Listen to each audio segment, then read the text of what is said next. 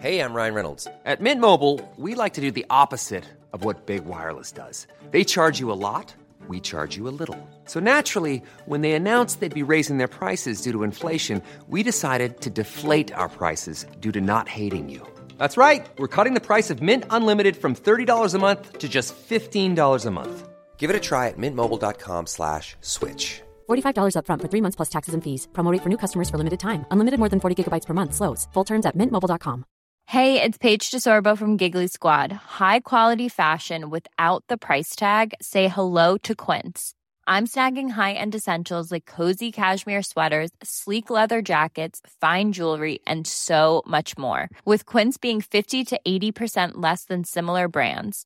And they partner with factories that prioritize safe, ethical, and responsible manufacturing. I love that. Luxury quality within reach. Go to quince.com slash style to get free shipping and 365 day returns on your next order. Quince.com slash style. Quality sleep is essential. That's why the Sleep Number Smart Bed is designed for your ever evolving sleep needs. Need a bed that's firmer or softer on either side? Helps you sleep at a comfortable temperature? Sleep Number Smart Beds let you individualize your comfort so you sleep better together. JD Power ranks Sleep Number number 1 in customer satisfaction with mattresses purchased in-store. And now save 40% on the Sleep Number limited edition Smart Bed for a limited time. For JD Power 2023 award information, visit jdpower.com/awards. Only at Sleep Number stores or sleepnumber.com. Så gör du din arbetsdag mer effektfull.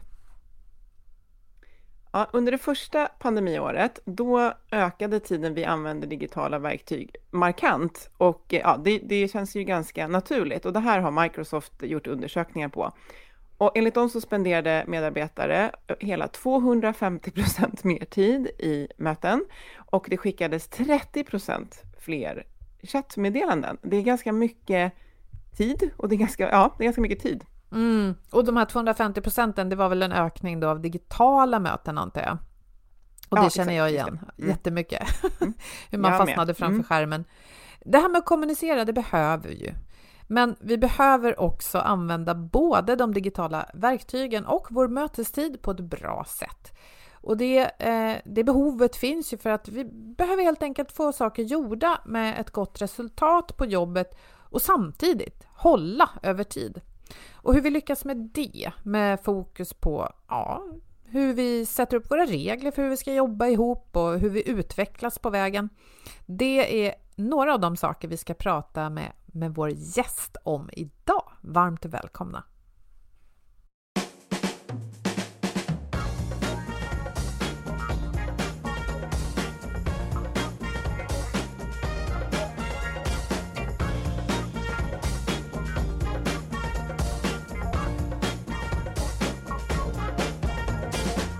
Det här är Health for Wealth och i sex år nu har vi poddat om att göra bra saker på jobbet och hälsa på jobbet. Eftersom människor som mår bra kan prestera bra. Mm. Och för att må bra behöver vi goda samarbeten, rätt resurser, handlingsutrymme och så sist men inte minst trygga ledare som har tid att leda.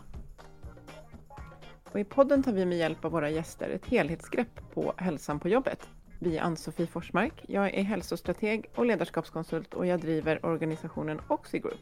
Och Boel Stier, copywriter och kommunikatör. Varje vecka delar vi inspiration, idéer och tips för ett bättre och mer hållbart arbetsliv. För dig som är chef, ledare av olika slag, jobbar med HR och medarbetare i största allmänhet förstås. Mm. Ja, alltså eh, ibland då jag är alltid frestad att läsa såna här artiklar på nätet där det står jobba smartare, bli mer effektiv. Men jag kan också förstå att man kanske kan ledsna på det här produktivitetstips, effektivitetstips och jobba smartare. Och eh, framförallt, vilket vi har pratat om, att det lätt kan leda till att ja, man blir mer effektiv, men så lägger man bara till mer saker. Så i slutändan så gör jag bara ännu mer. Mm, exakt. Eh, och det här att bara liksom krama den här stackars disktrasan hårdare för att få ut de sista dropparna. Det, det, är inte så vi vill se på oss själva på jobbet. För att det är ju inte det det handlar om, att maxa varje sekund, utan eh, de här tipsen som vi kan behöva och som jag tycker att vi ska leta efter, vi tycker, det är ju de som eh, hjälper oss att göra rätt saker på jobbet och att sen få tid och energi över för att leva faktiskt. Hur känner du Ann-Sofie? Nej men precis, eh, verkligen. Och det, och det, där är, det är så härligt att vi ska prata om det idag, för det är verkligen, ligger mig så varmt om hjärtat att jag är nördigt intresserad av de här bitarna, just därför att det möjliggör eh, att lossa tid till ibland mer roliga jobbsaker, men ibland också roliga saker liksom utanför jobbet. Eh, och jag tänker det här begreppet liksom effektfull, det, det handlar ju väldigt mycket om att eller det handlar om att eh, liksom vara effektiv, men med rätt saker. Så i grunden så gäller det att jag faktiskt liksom blir effektiv med, med rätt saker. För jag kan ju vara, det finns något fantastiskt engelskt citat som är att, liksom, att göra någonting liksom jättebra, men göra fel sak, det är ju liksom katastrof. Mm. Och det Nej. känns jätteroligt att prata om det här idag, som sagt. Precis, och vi har Johan Dalin med oss här i vår digitala studio. Johan driver ett utbildningsföretag och verkar som utbildningskonsult där han utbildar och föreläser för organisationer kring smartare arbetssätt, alltså jobba smartare, att få till bättre samarbeten och skapa schyssta strukturer, både för individen, gruppen och organisationen. Varmt välkommen Johan! Tack snälla! Tack! Välkommen! Vi känner ju lite varandra utanför podden också, så det är jättekul att ha med dig. Och eh, vi vet att du framförallt utbildar i Microsofts verktyg och vi vågar gissa att det är väldigt många av våra lyssnare som verkar i just dem. Men jag tror att det vi kommer prata om idag, det hjälper ju oavsett om man jobbar i det eller något av de andra eh, digitala plattformarna så att säga. Ja men absolut, det skulle jag nog säga att det är mycket av de principerna som är applicerbara oavsett vilken typ av digitala verktyg och plattformar som man använder och nyttjar sig av. Mm. Och du som är runt och hjälper människor med, med sin vardag och, och, och plattformar och strukturer. Vad, vad är de största misstagen, om vi börjar där då, när, som du eh, kan se när det gäller just hur vi jobbar och, och för att få till en struktur och en hållbar arbetsvardag? Ja, det, det, finns ju ett eh, par olika eh, områden kanske man ska kalla det för och som är eh, kanske inte alltid misstag, men i alla fall upplevda utmaningar där ute eh, och som eh, många gånger är eh, gemensamma eh, för, för eh, flera olika organisationer och eh, framförallt så kan det handla om eh, förhållningssätt och egentligen kanske avsaknaden utav förhållningssätt och förhållningsregler och på flera olika plan.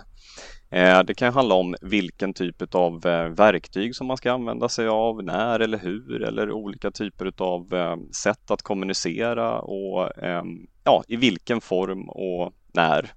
Mm. Ehm, så det, det, finns mycket kring det och sen kanske också även att ehm, den interna kommunikationen idag eh, splittras, eh, om vi ska använda det uttrycket, men sprids ut på flera olika plattformar och där det ganska tydligt, upplever jag i alla fall, när vi träffar olika organisationer finns en, eh, en frustration eh, och kanske till och med ibland uppstår en viss, ett visst mått av stress i vilket kommunikationsverktyg vi ska använda när. Mm. Um, kan, kan, vi inte stanna till där? För det där tycker jag är intressant och vi har pratat om det tidigare här i podden också. Det, Ja, men det har ju varit så under en längre tid att det erbjuds fler och fler, eller erbjuds och erbjuds. Det, det poppar upp fler och fler meddelandekanaler och verktyg. Och vad, liksom, det kanske inte är så att det är one size fits all, men hur, hur, tycker du att det ser ut där Johan? Är det så att jaha, nu börjar någon prata med mig här, då, då snackar vi i den kanalen, men min andra kollega pratar här. Är det lite så vardagen ser ut för många? Ja, det skulle jag säga. Eh, jag kan se vissa skillnader mellan eh, väldigt stora organisationer där man kanske eh, har haft under en längre tid ehm, exempelvis eh, olika typer av eh, ja, eh, workplace-chatter och sen så har Teams blivit en allt större och större del. Man kanske har blandat in och använt sig utav eh, eh Jammer bara för att nämna några och sen så eh, någonstans efter pandemin här så blir det ett eh, mischmasch utav allt det här eh, som man väljer att använda sig utav. Eh, och där ser jag och upplever ofta att många är väldigt frustrerade i att Ehm, hur kommer det sig att eh, den personen använder den kanalen mestadels för kommunikation när jag väljer att använda eh, mail enkom för intern kommunikation exempelvis. Och det är klart att har man inte eh, fattat några eh, aktiva val och beslut kring de här förhållningssätten och förhållningsreglerna så då blir det väldigt mycket egna bedömningar och egna val. Men, men jag tänker att det tar väl mycket tid också för att eh, jag känner igen det här.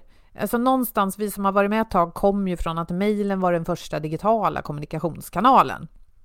Och så fanns det lite sådana chattverktyg som, som jag upplevde då i alla fall, man använde mer på fritiden eller kanske lite privat. Man, ja.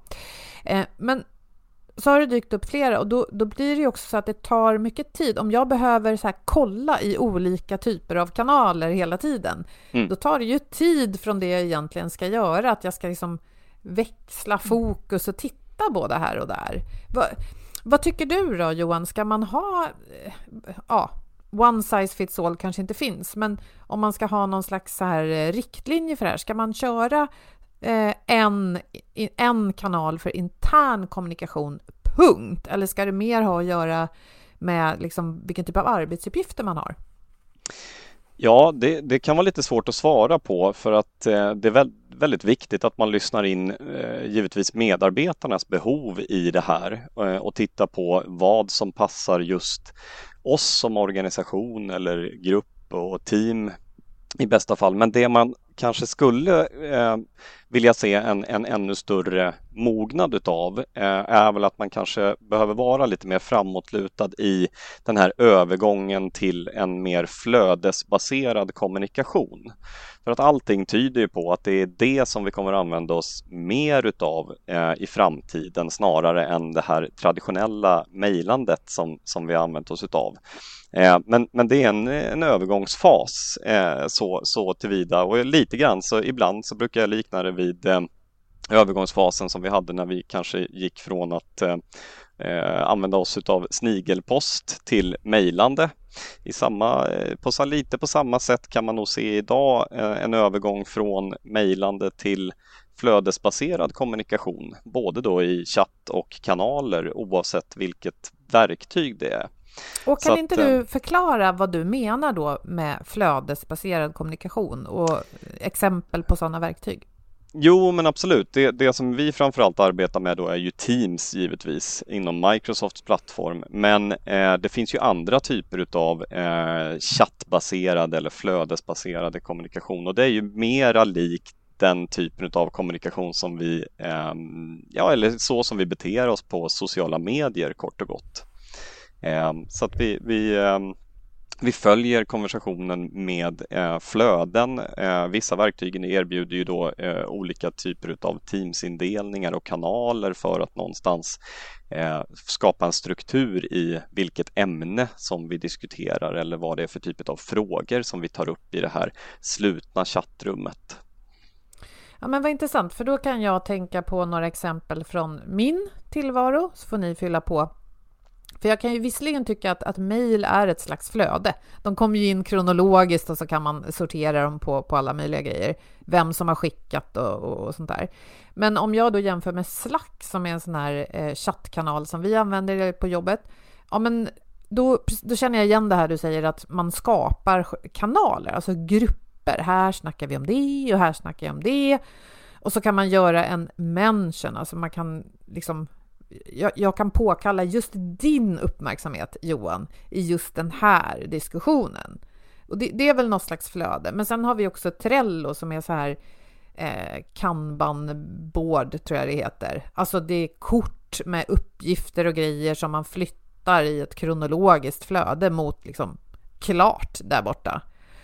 Och är det här då bra eh, exempel, Trello och Slack, på flödesbaserad kommunikation, eller? Ja, men det skulle det absolut kunna vara.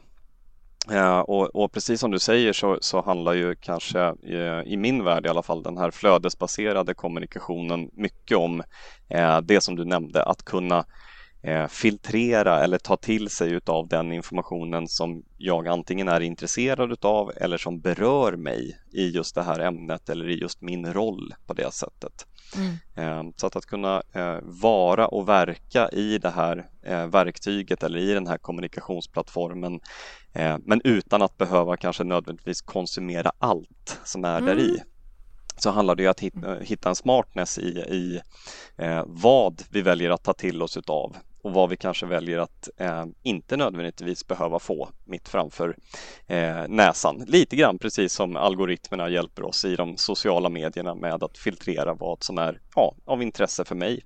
Jag får ju inte upp allting som jag skulle kunna få upp på mitt Facebookflöde exempelvis. Nej, men det där kan jag tänka mig då, för att när andra styr vilken kommunikation jag ska ta del av, då blir det rätt, då blir det lätt för mycket. Alltså att det bara dröser in mejl eller att det dröser in pingar i, i, i Slack eller Teams eller någonting. Men menar du att en, en viktig del av det här då, det är att, att jag måste lära mig att ställa in vilka notifieringar jag vill se eller liksom vilken prioriteringsordning? Alltså, hur undviker jag att känna mig alldeles översköljd? Ja, men det skulle jag säga. Det handlar ju eh, i många fall om eh, den enskildes eller gruppens då kompetens eh, och trygghet i de här verktygen. För att tar man inte kontroll över eh, de här eh, flödesbaserade kommunikationsverktygen så blir det väldigt lätt så att eh, tillgängligheten eh, tar överhand eh, och det blir en obalans mellan Eh, ja, sitt egna fokus och tillgängligheten som man har gentemot eh, omvärlden och alla andra. Eh, och det är ju också vissa av de här verktygen, om vi ska använda Teams som ett exempel, är ju eh, riktiga notismaskiner om man inte eh, lägger i och sätter sig och tar kontroll över de här.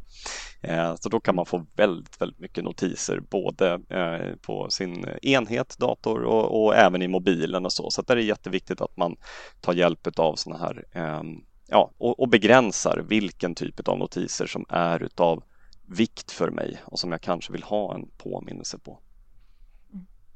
Det är bra. Du är inne och belyser eh, något som jag också alltså, känner igen, det här med att det finns så mycket som går att göra, vilket gör att vi då gör det lite ostrukturerat och då kommer vi in på det som jag också vet att du har med som en utmaning, att eh, vi behöver faktiskt kompetens kring de här digitala arbetssätten. Eh, och jag kan själv relatera till att jag, jag, kan, liksom, jag använder ju Slack och det, jag bara hoppade in i det. Och det finns säkert massa smarta funktioner som skulle hjälpa mig att använda Slack bättre. Eh, men det har jag inte utbildat mig själv inom, eller liksom, nu är jag ju egen så att jag får ju faktiskt ta ansvar då för det. Eh, men att vi faktiskt måste, eh, vi förväntas på något sätt kunna digitala verktyg och inte ha fått eh, rätt utbildning. Och sen att vi då Eh, det, vilket också då leder till att vi uppfinner våra egna sätt. Så det blir liksom inga likvärdigheter, utan vi, alla jobbar olika och det står inte för en autonomi eller möjlighet, utan i det här fallet handlar det snarare om att det, det uppstår de här utmaningarna, att ska jag mejla Boel om det här, eller ska vi skriva i Slack eller Teams eller, eller, eller hur det nu kan vara. Eh, och sen är det några fler utmaningar som också uppstår som vi ska komma in på lösningar, eller hur? Ja men absolut. Ja, men just det som du nämner kring, kring eh, det här med eh, att det finns eh, kompetensgap i de här digitala verktygen och, och det är ju en, en utmaning som jag skulle säga har funnits under väldigt, väldigt lång tid och, och kanske också oberoende av pandemin. Men sen ska vi komma ihåg att pandemin skapade ju en digital revolution fullständigt för oss där vi verkligen eh, på gott och ont, men eh, fick möjligheten och eh, tvingades in i också till viss mån att förändra vårt beteende kopplat till de här digitala verktygen. Eh, men det är jättemånga som, precis som du nämner, ehm, har bara fått ett verktyg kastat i knät på sig och sen blivit självlärda i de här verktygen. Eh, och det säger sig självt att då, då, eh, då är vi ganska snabba på att hitta någon form av ja, men lösning på att använda de här eller vi lyckas lista ut ett fåtal procent av de här verktygen och så gör vi ju alla eh, så gott vi kan. Alla mm. har ju den intentionen att mm. man vill att det här ska bli så bra som möjligt. Men det behöver inte alltid betyda att vi utnyttjar verktygen på smartast möjliga sätt. Och framförallt Nej. arbetssätten och processerna kopplat till det. Det är ju det som är det intressanta egentligen. Kan inte ja. du säga, det var så intressant då, du som träffar många. Eh, jag ser ju bara min egen eh, arbetsplats och hur vi gör där och vilka fallgropar vi eventuellt går i. Eh, nu har du ju sagt så generellt att det ofta handlar om otydlighet och att vi inte har bestämt oss. Vad, har du något positivt exempel på någon arbetsplats där man bestämde sig för att vi gör så här? Och kan du då berätta hur det liksom gick till och vad, vad det var man bestämde? Ja, men det kan ju finnas exempel på eh, vissa som har tidigt till exempel tagit beslut om att vi eh, går över helt till att använda Teams för intern kommunikation. Eh, och så har man eh, ansträngt sig för att även eh, så att säga inte bara använda eh, chatt utan man även använder sig av eh, kanaler och ser till att skapa eh, bra kanaler i bra team och med eh, så mycket genvägar som möjligt så att man använder sig av ja, en plattform eh, som skapar möjlighet och ger ett nav eh, och skapar åtkomst till flera andra ställen där man ofta då är. För då kan man ju anpassa de här eh, både kanalerna och teamen utefter eh, vad just den gruppen utav individer behöver för någonting för att kunna göra sitt eh, jobb så bra som möjligt och ha så bra förutsättningar som möjligt. Och det är klart att det, det blir ju en eh, tämligen god effekt utav att kunna eh, ta ett sådant beslut. Eh, oavsett om det är så att man eh, har alla medarbetare med sig eller inte i det så tror jag att det, eh, det, det, är ett ganska aktivt val att kunna göra på det viset och då har man ju ehm, satt en tydlighet i eh, och kan jobba också med ehm, andra typer av förhållningssätt också kopplat till mandat och förväntningar eh, på medarbetarna, på grupperna och på teamen. Mm. Ehm, så det tycker jag kan vara ett bra exempel. Mm. Jag kan uppleva att det, eh, det, här med just att en del väljer bort mejlen internt, eh, då kan jag tänka mig att det blir ordning och reda, för då är mejlen liksom för externa eh, extern kommunikation och i min tillvaro då, där vi är konsulter, ja men då mejlar vi ofta när vi har kontakt med kunden. Och det är klart, det kan vara så att det är projektledaren som har all kontakt med kund och som sen förmedlar in i organisationen allt som ska göras eller feedback och, och även liksom bolla tillbaka till kunden när någonting ska levereras. Men ofta är det inte så, utan det är liksom lite mittemellan. Kan det finnas någon sån här gränsdragningsfråga där man behöver prata om, Johan? Ja, men det tror jag absolut. Och om man ska komma tillbaka till utmaningarna så är det ju ofta så att det är ju inte alltid som vi själva heller Eh, i organisationerna styr vilka verktyg det är som ska användas utan det kan ju vara så att vi eh, står inför en situation där vi har en kund som använder andra typer utav eh, kommunikationsverktyg och där man inte vill, hur ska jag uttrycka mig, vara krånglig och knölig. men, men, men man kan nog med ganska goda möjligheter ändå exempelvis gentemot sina leverantörer eller partners eller externa konsulter eh, ta ett grepp om att snarare styra in i att vi har ett önskemål om att så här jobbar vi i den här organisationen. Mm. Och ska du arbeta med oss och, och göra det tätt inpå och ingå i det här projektet och så vidare, då är det på det här viset vi kommunicerar. Eh, då kommer det inte funka att du väljer att använda det här sättet bara för att du är van vid det. Mm. Eh, sen, sen, får man ha respekt för att det kan vara svårare givetvis i en kundsituation. Men det skadar ju inte om man har en bra satt struktur eh, gällande den interna kommunikationen så kan man även ha det för den externa. Mm. Att vi har alltid som ambition att försöka eh, kommunicera med våra kunder på det här viset med de här plattformarna. Vi kanske till och med utbildar våra kunder i de här så att det finns bra möjligheter för att det ska funka på ett bra mm. En sak jag tänkt på, vi pratade om det tidigare du och jag Ann-Sofie, att när vi till exempel så skolar in nya eller ska guida varandra i saker nu när vi allt oftare sitter på olika platser, ja då kan vi dela skärm och, och det finns massa smarta funktioner som hjälper oss. Men nu kanske jag är väldigt gammaldags, men jag känner ändå, för att se vad du tycker om det här Johan, jag tycker att det är, finns ju inget som är så lätt eh, som när man sitter bredvid varandra med varsin datorskärm och jag kan visa så här gör jag. eh, och så testar den andra personen det och kanske kommer på att ja, men då blir det ju det här svårt och så kan jag guida i det. Eh, upp, eh, känner du igen det Johan? Ja men absolut. Jag, jag, eh, kan väl säga att det finns ett stort sug just nu för eh, fysiska utbildningar i eh, traditionell form och traditionell mening, eh, även föreläsningar också eh, på det sättet. Så att, och, och eh, även om det då så att säga i vissa fall så, ehm, så blir det mera praktiskt att kunna ha det på distans.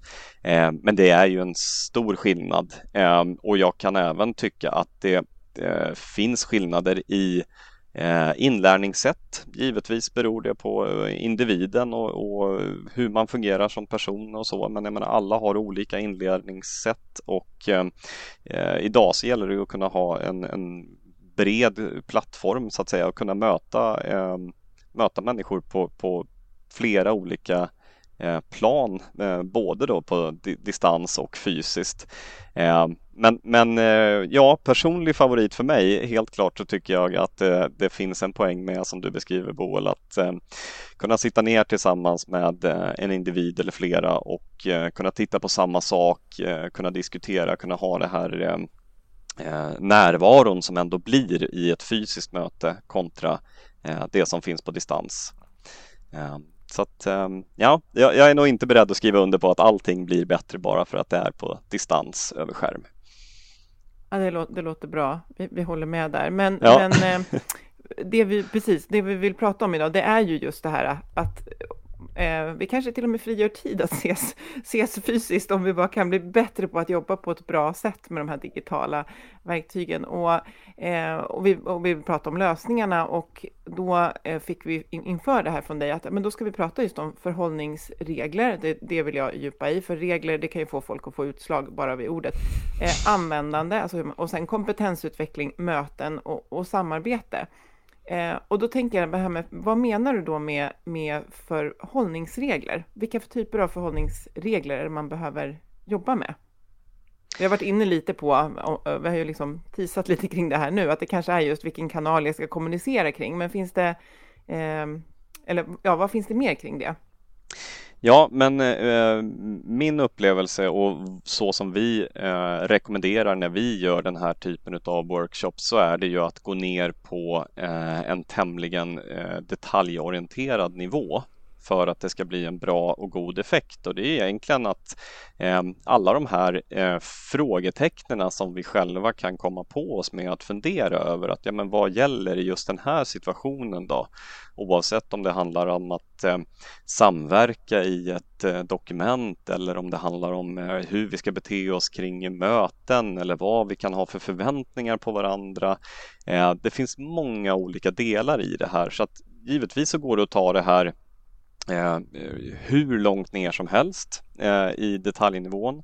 Men jag tycker att det finns, eh, vad ska vi säga, det finns bra eh, en bra vinning och man kan få ett bra utfall utav att gå igenom de här övergripande delarna i organisationen och det kan ju handla exempelvis om förhållningssätt kring möten, det kan handla om förhållningssätt för eh, den interna kommunikationen. Det kan handla om förhållningssätt för eh, samarbete med eh, kunder, leverantörer, sånt som vi pratade om innan. Eh, det kan handla om eh, sådana förhållningssätt kring det hybrida kontoret eller det hybrida arbetssättet. Eh, för bara en sån sak är ju fortfarande min upplevelse runt om i olika organisationer. Det är inte helt satt ännu på många platser. Utan det finns kanske en eh, tanke, det finns ett eh, önskemål eller man eh, prövar någonting just nu. Men det är kanske inte helt glasklart var man hittar den där överenskommelsen någonstans för vad som gäller. Mm. Och att man också är duktig på internt i organisationen att kommunicera ut att det kan vara olika saker kan gälla för olika team och avdelningar. att det inte är så att säga Eh, samma förhållningsregler för allt och alla. Eh, vi är väldigt duktiga på, eller vill väldigt gärna, att det ska vara exakt lika för alla. Men vi måste också ta med att det finns eh, roller som kanske behöver vara och verka 100% fysiskt på plats på grund utav eh, eh, säkerhetsaspekter eller att man jobbar med, har en sån roll där det eh, kräver det. Medan andra roller kanske är eh, väldigt mycket mer flexibla. Eh, och vissa roller behöver man ha ramar för eh, som är satta utifrån eh, det flexibla arbetssättet och den hybrida miljön. Eh, så det finns, det finns väldigt, väldigt, det är väldigt brett eh, i vad man ska eh, välja att sätta de här förhållningssätten och förhållningsreglerna kring. Men jag tycker att börjar man med delar som eh, samarbete, kommunikation och kanske också även ta med möten eh, så har man kommit en bra bit på vägen i alla mm. fall. Mm. Och vi pratade om det här, var ska vi, var ska vi internsnacka? Ja, men då kan man ju, många, allt fler tror jag, väljer en speciell kanal för det. Och det kan ju vara tydligt och bra, även om det innebär att lära sig nytt för vissa. Men, men möten då, vad ser du att många brottas med där just nu? Ja, men där ser jag att många brottas med eh, kanske lite grann den här eh, bilden av det perfekta hybridmötet eh, som eh, ändå vad jag upplever inte särskilt många är så där vansinnigt förtjusta i. Eh, och det kan ha med eh, förutsättningar att göra. Det kan ha med eh, så att säga hur har vi utformat våra eh, mötesrum på det sättet för att det rent så att säga tekniskt ska kunna bli eh, bra att kunna genomföra ett hybridmöte. Eh, och, och, och, samtidigt så är det ju många som är på väg tillbaka till kontoret och vi vill kunna ha de här fysiska mötena och hur gör vi då? Och man brottas med de utmaningarna att vi kanske har åtta på plats och två borta. Ja, men då är det helt plötsligt ett hybridmöte som ska lösas och så blir det eh, kanske inte så där bra och krispigt som man hade tänkt sig utan det blev en uppfälld laptop i ett konferensrum där man såg eh, en av de här åtta kollegorna och mm. det var taskigt ljud och, och så vidare. Eh, och, och i bakomliggande till det så är det ju också så att eh, ledarna brottas ju mycket med hur ska man skapa Um, hur ska man lyckas med att involvera alla i mm. den här typen av möten? Um, och hur ska man se till så att uh, det inte fattas um, informella beslut uh, före eller efter de här mötena? Eh, för du menar mellan, som... mellan de som är på plats då? Ja, precis. För det är ju någonting som, som eh, är en återkommande utmaning helt klart. Att hur, hur får vi till det här eh, när vi är utspridda? Mm. Så, så det, det är väl det som jag upplever att det vad ska jag säga, pratas mest om i korridoren när jag är och besöker organisationer av olika slag. Och det eh, kan handla om, det spelar egentligen inte så stor roll om eh, på, på storleken på organisation utan det är ju mer hur man är eh, organiserad. Eh, är man utspridd eller är man på plats och vad har man för förutsättningar? Eh, jag tänker att det, det var rätt kul att du sa det här att men vi är ofta nere på detaljnivå. Och jag kan tänka där att, att människor liksom på något sätt räds det för att man tänker lite att ja, men det blir liksom att micromanage. Men, men eh, det, att skapa de här strukturerna, det frigör ju så otroligt mycket liksom hjärnkraft hos människor. Ja, men nu ska jag fråga Johan eller Bo eller någonting, då vet jag, det är den här kanalen. Och liksom, nu ska vi ha ett möte och det viktigaste är ju då innehållet i mötet. Och har vi liksom kommit överens om massa saker runt omkring så behöver inte jag vare sig irritera mig över det eller lägga tid på att klargöra för er hur det ska gå till. Liksom så eh, så att jag tänker att det där tror jag är någonting väldigt viktigt att ta med sig, att det här handlar inte om att toppstyra på något sätt. Det handlar om att vi pratar ihop oss om det här och skapar strukturer och eh, förhållningsregler eller vad man nu kallar dem för, så kommer det hjälpa oss så mycket att få frihet och få saker gjort. Ja men verkligen och där är ju återigen eh, någonting som är jätteviktigt. Det handlar ju om eh, hur man involverar medarbetarna i den här processen och också sen också hur man väljer att kommunicera ut det här.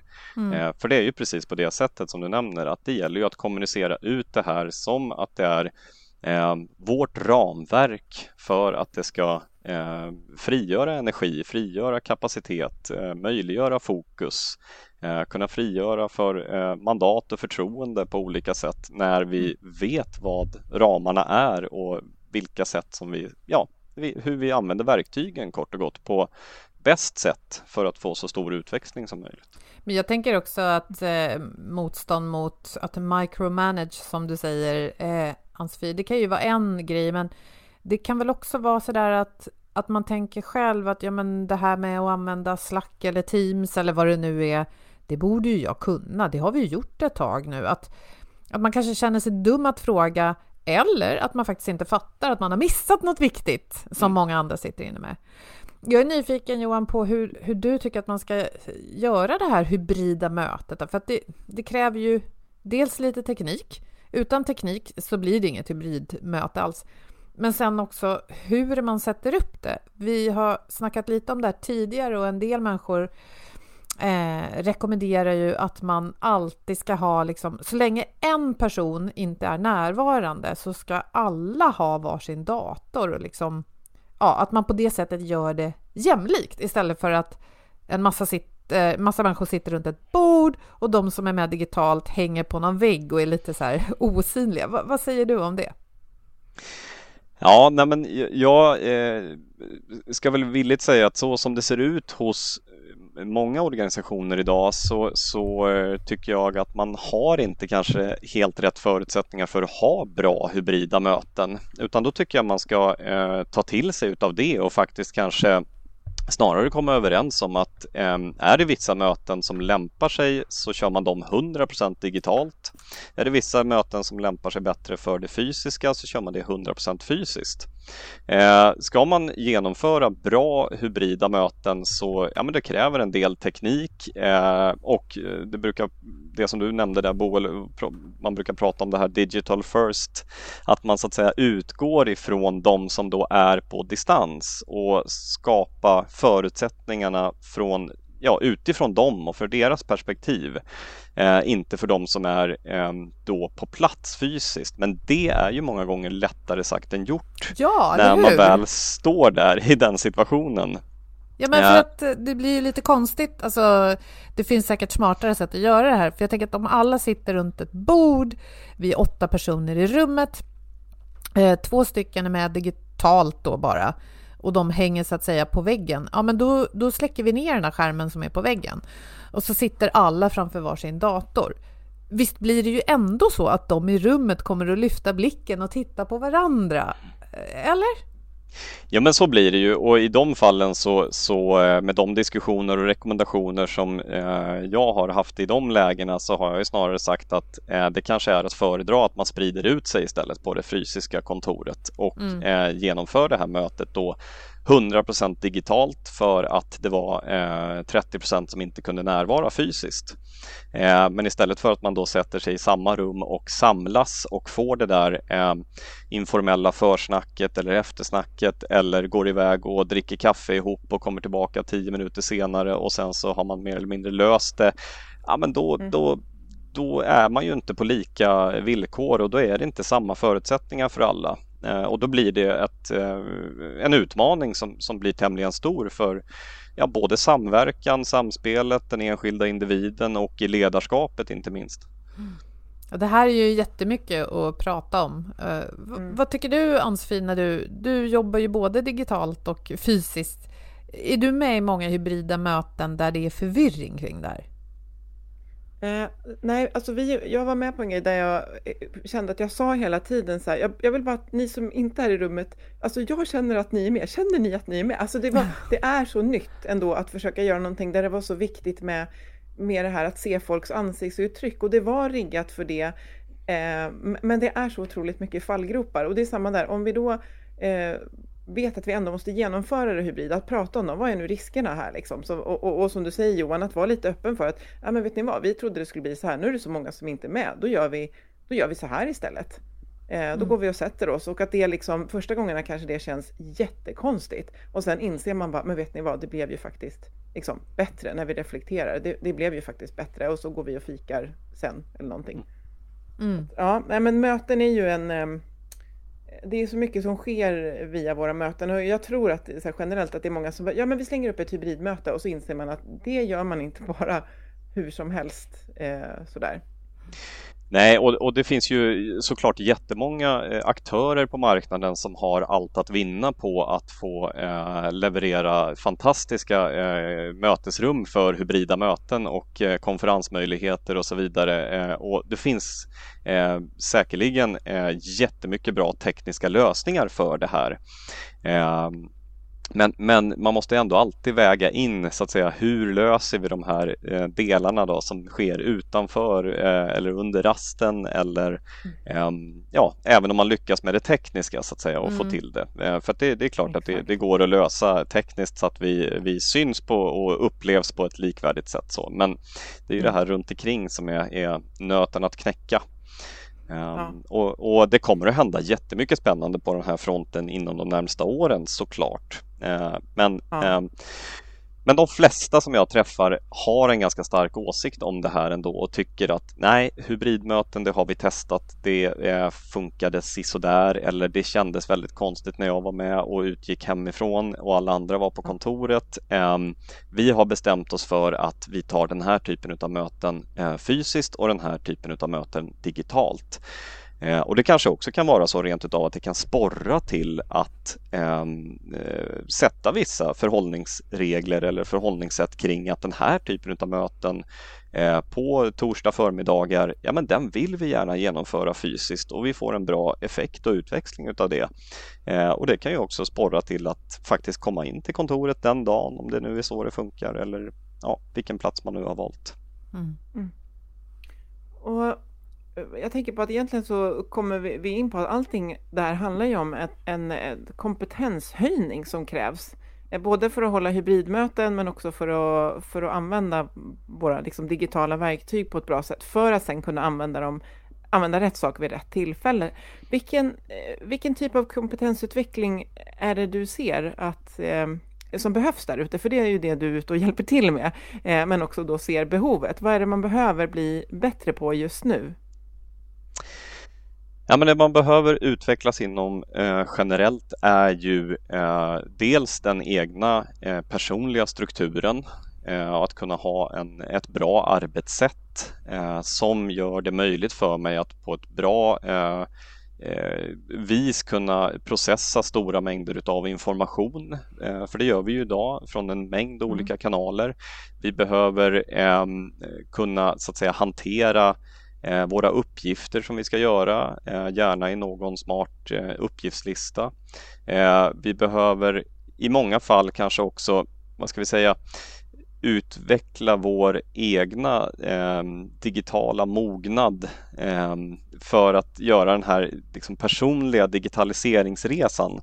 Eh, och det kan ju handla om att eh, börja bli digital i sina anteckningar, att kanske inte blanda, för det är ju någonting som jag ser väldigt mycket, att man blandar väldigt mycket analogt och digitalt och gärna flera olika platser och ställen. Mm.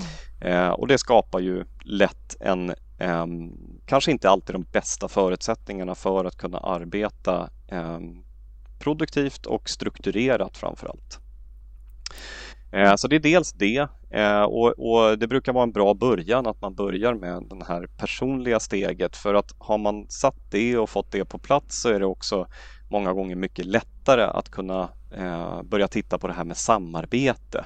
Ja, men hur blir det sen då om vi arbetar på det här sättet enskilt? Hur ska vi då verka när vi samarbetar oavsett om det handlar om eh, dokument eller uppgifter eller eh, kommunikation av olika slag eller informationsdelning och så vidare. Eh, så att det successivt så handlar det om att bygga upp rätt förutsättningar för att kunna ha ett likvärdigt arbetssätt. Eh, och framförallt kanske också en förståelse för det likvärdiga arbetssättet. Eh, för det är inte alla organisationer som vill eh, ta i med så att säga tumskruvarna helt och hållet åt det sättet och säga att eh, nu är det exakt så här som varje individ ska arbeta utan det kan ju finnas flexibilitet i det där. Men du ska i alla fall erbjudas möjligheten att ha förståelse för eh, det likvärdiga arbetssättet. Mm. Och det här med mm. förväntningar eh, är ju en viktig mm. del i allt det där egentligen. För om vi summerar lite nu, vi började prata om ja, men var kommunicerar vi? Alltså var, var sker snacket, även om snacket är i skrift? Eh, och, och, då sa du det här att det är så viktigt att vi lär oss lite mer om verktygen så att vi förstår hur vi kan sålla, hur vi ställer in notifieringar så vi inte blir översköljda. Men å andra sidan inte heller letar efter information som man sitter och väntar på, på fel plats. Och sen pratade du om möten och det hybrida, att eh, det är svårt för oss alla nu och vi behöver helt enkelt prata om hur vi vill ha det. Och även om inte det är perfekt idag så måste vi börja någonstans. Och sen här på slutet var vi inne på, alltså sådana här, det kan ju tyckas vara banalt det här, men var har jag mina to-do-listor och var lagrar vi dokument och hur delar vi dokument? Men det är antagligen liksom ett helt kosmos där också. Liksom när ställer jag in ett dokument så att alla kan redigera det och när bör jag absolut inte göra det? Det, det är väl också sånt som är viktigt att prata om. Absolut, eh, och det kommer in i eh, kompetensen där i också. Att eh, många gånger så finns det en röd tråd genom de här utmaningarna och de flyter också in en hel del i varandra. Att vi har kanske inte satt någon tydlig, något tydligt förhållningssätt. Vi har individer som väljer att eh, samverka i dokument och filer på olika vis. Det skapar i sin tur frustration etc. etc. Så det är mycket som hänger ihop med varandra. Mm. Eh, precis som du beskriver. Egentligen kan man väl sammanfatta ja, det som... Ja, förlåt. Nej, jag, jag, ser, jag ser också verkligen en, en, eh, en fantastisk röd tråd i det här och, och för den som liksom så här, nej men jag vill liksom vara så kreativ och, nej vet du vad, det, det, är så otroligt mycket som frigörs, alltså i frihet och kapacitet när man skapar och liksom jobbar med den här strukturen, ägna lite tid åt den eh, för sin egen del och förstå att det faktiskt är kompetens, eh, som du varit inne på, att det är inte bara att, ja nu ska jag börja använda det här nya digitala verktyget som den här organisationen har eller någonting, utan man behöver lära sig och ägna lite tid åt det och att de här strukturerna eh, de kommer hjälpa oss så mycket. Men jag kan nog förstå att det, det finns ganska mycket jobb där ute att jobba med det här, därför att eh, rent generellt också så är vi väldigt duktiga på att lägga till. Ja, men nu går det att göra det här. Då lägger vi till det och sen så blir det väldigt spretigt och spritt. Mm. Både energi och eh, information. Ja men verkligen, helt klart så är det så och, och många gånger så, så, eh, hittar vi kanske bara ett sätt och så är det några individer som börjar mm. anamma det sättet och en del börjar kanske, och, och om vi ska ta ett konkret exempel, eh, kasta in filer i Teams eller dela filer i Teams till varandra. Någon annan vet inte var de här filerna hamnar någonstans eh, och, och, har svårigheter i att kunna söka efter de här filerna. Mm. Eh, och så spiller vi, och det har vi gjort i, i alla tider höll jag på att säga, men så länge vi har varit digitala så är det några sådana här återkommande staplar som alltid är väldigt höga och det är ju det här att vi lägger oerhört mycket tid och energi på att leta efter dokument och leta efter mm. information och eh, kommunikation i viss mån också.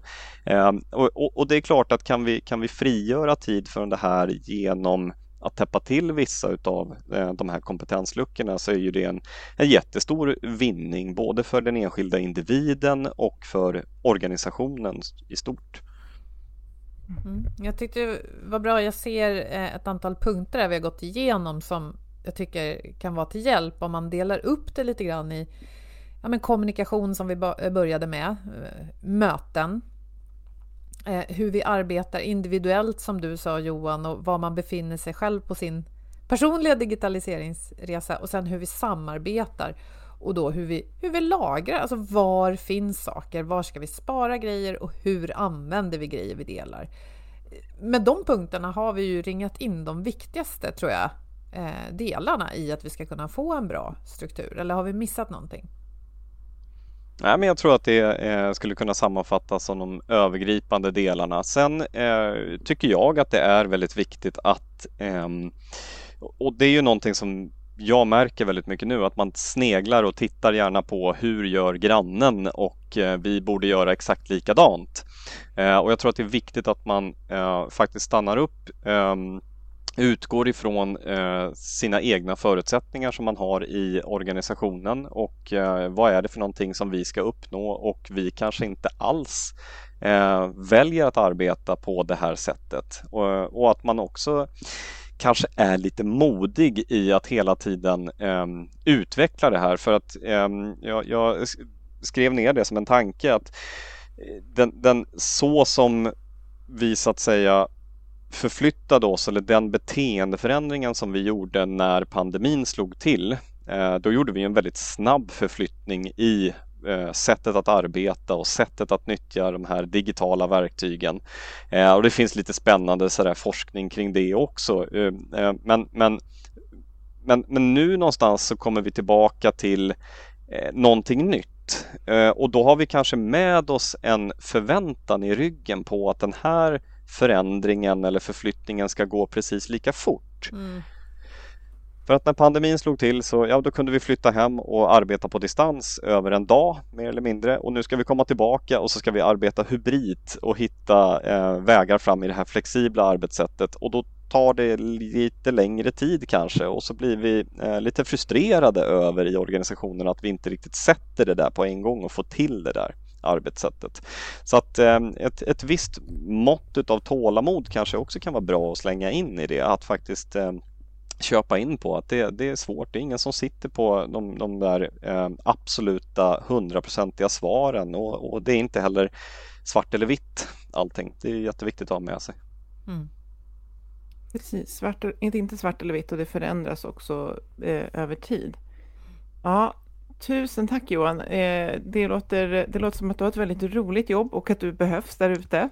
Eh, så att, eh, ja, eh, tack för det här samtalet. Jag fick med mig, jag tycker det var jättebra de här områdena som vi ringade in, att faktiskt fundera på för egen del, hur ser det ut? Liksom? Och vad den som kanske, om inte det här är i fokus i organisationen, vad den som modigt och omtänksamt lyfter det här, att jag tror vi behöver prata ihop oss kring det här och eventuellt faktiskt ta kanske lite hjälp utifrån om man inte knäcker nöten själv.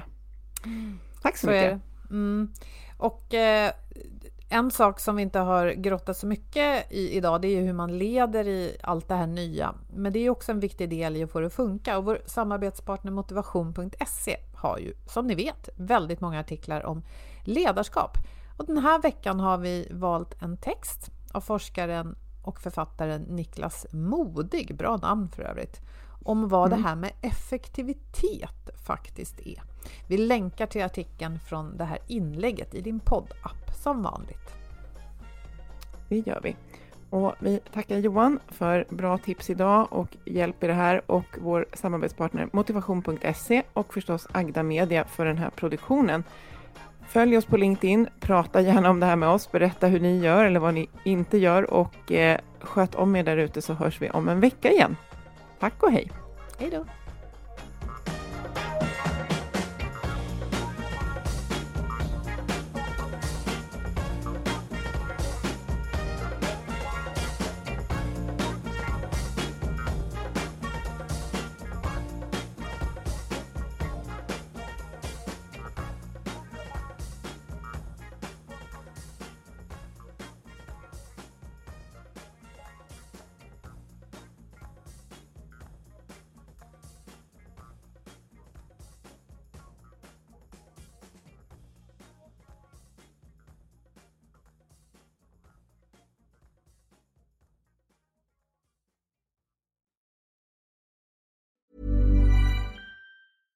Want flexibility? Take yoga. Want flexibility with your health insurance? Check out United Healthcare Insurance Plans. Underwritten by Golden Rule Insurance Company, they offer flexible, budget friendly medical, dental, and vision coverage that may be right for you. More at uh1.com.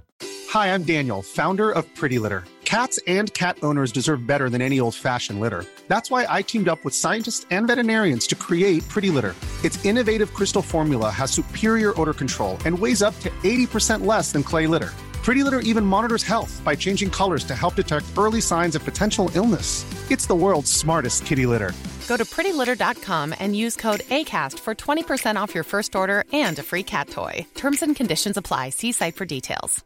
A lot can happen in the next three years. Like a chatbot may be your new best friend. But what won't change? Needing health insurance. United Healthcare Tri Term Medical Plans are available for these changing times Underwritten by Golden Rule Insurance Company, they offer budget-friendly, flexible coverage for people who are in between jobs or missed open enrollment. The plans last nearly three years in some states, with access to a nationwide network of doctors and hospitals. So for whatever tomorrow brings, United Healthcare Tri-Term Medical Plans may be for you. Learn more at uh1.com.